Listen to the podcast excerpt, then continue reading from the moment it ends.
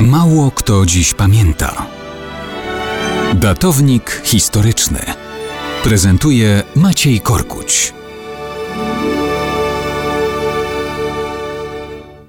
Mało kto dziś pamięta, że 14 stycznia 1930 roku do drzwi aktywisty narodowego socjalizmu zapukał aktywista międzynarodowego komunizmu.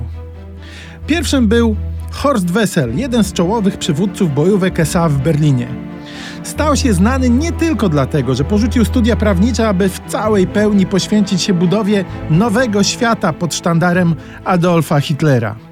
Był twórcą pieśni Chorągiew wznieś, która stała się wkrótce potem drugim hymnem niemieckiej narodowo-socjalistycznej rewolucji. Słowa mówiły o walce z reakcją i komuną pod sztandarami Adolfa Hitlera. W tym czasie komuniści z komunistycznej partii Niemiec też walczyli z reakcją, ale pod sztandarami Józefa Stalina i szykowali świat do swojej internacjonalistyczno-bolszewickiej rewolucji. Członkiem KPD był Albrecht Höchler. Tak jak Wessel działał w paramilitarnych bojówkach brunatnej NSDAP, tak Höchler był członkiem paramilitarnych bojówek czerwonej KPD.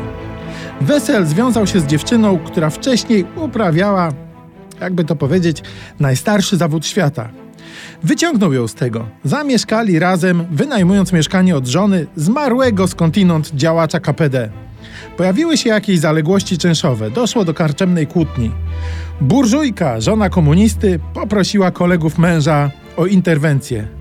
No i 14 stycznia 1930 roku czerwony rewolucjonista Albrecht Höchler zapukał do drzwi brunatnego rewolucjonisty Horsta Wessela. Wyciągnął pistolet Parabellum i strzelił Wesselowi w twarz, kładąc go trupem. Po dojściu Hitlera do władzy, Hechler został zlikwidowany przez narodowo-socjalistycznych kolegów Wessela. No cóż, tacy męczennicy, jakie ideologie.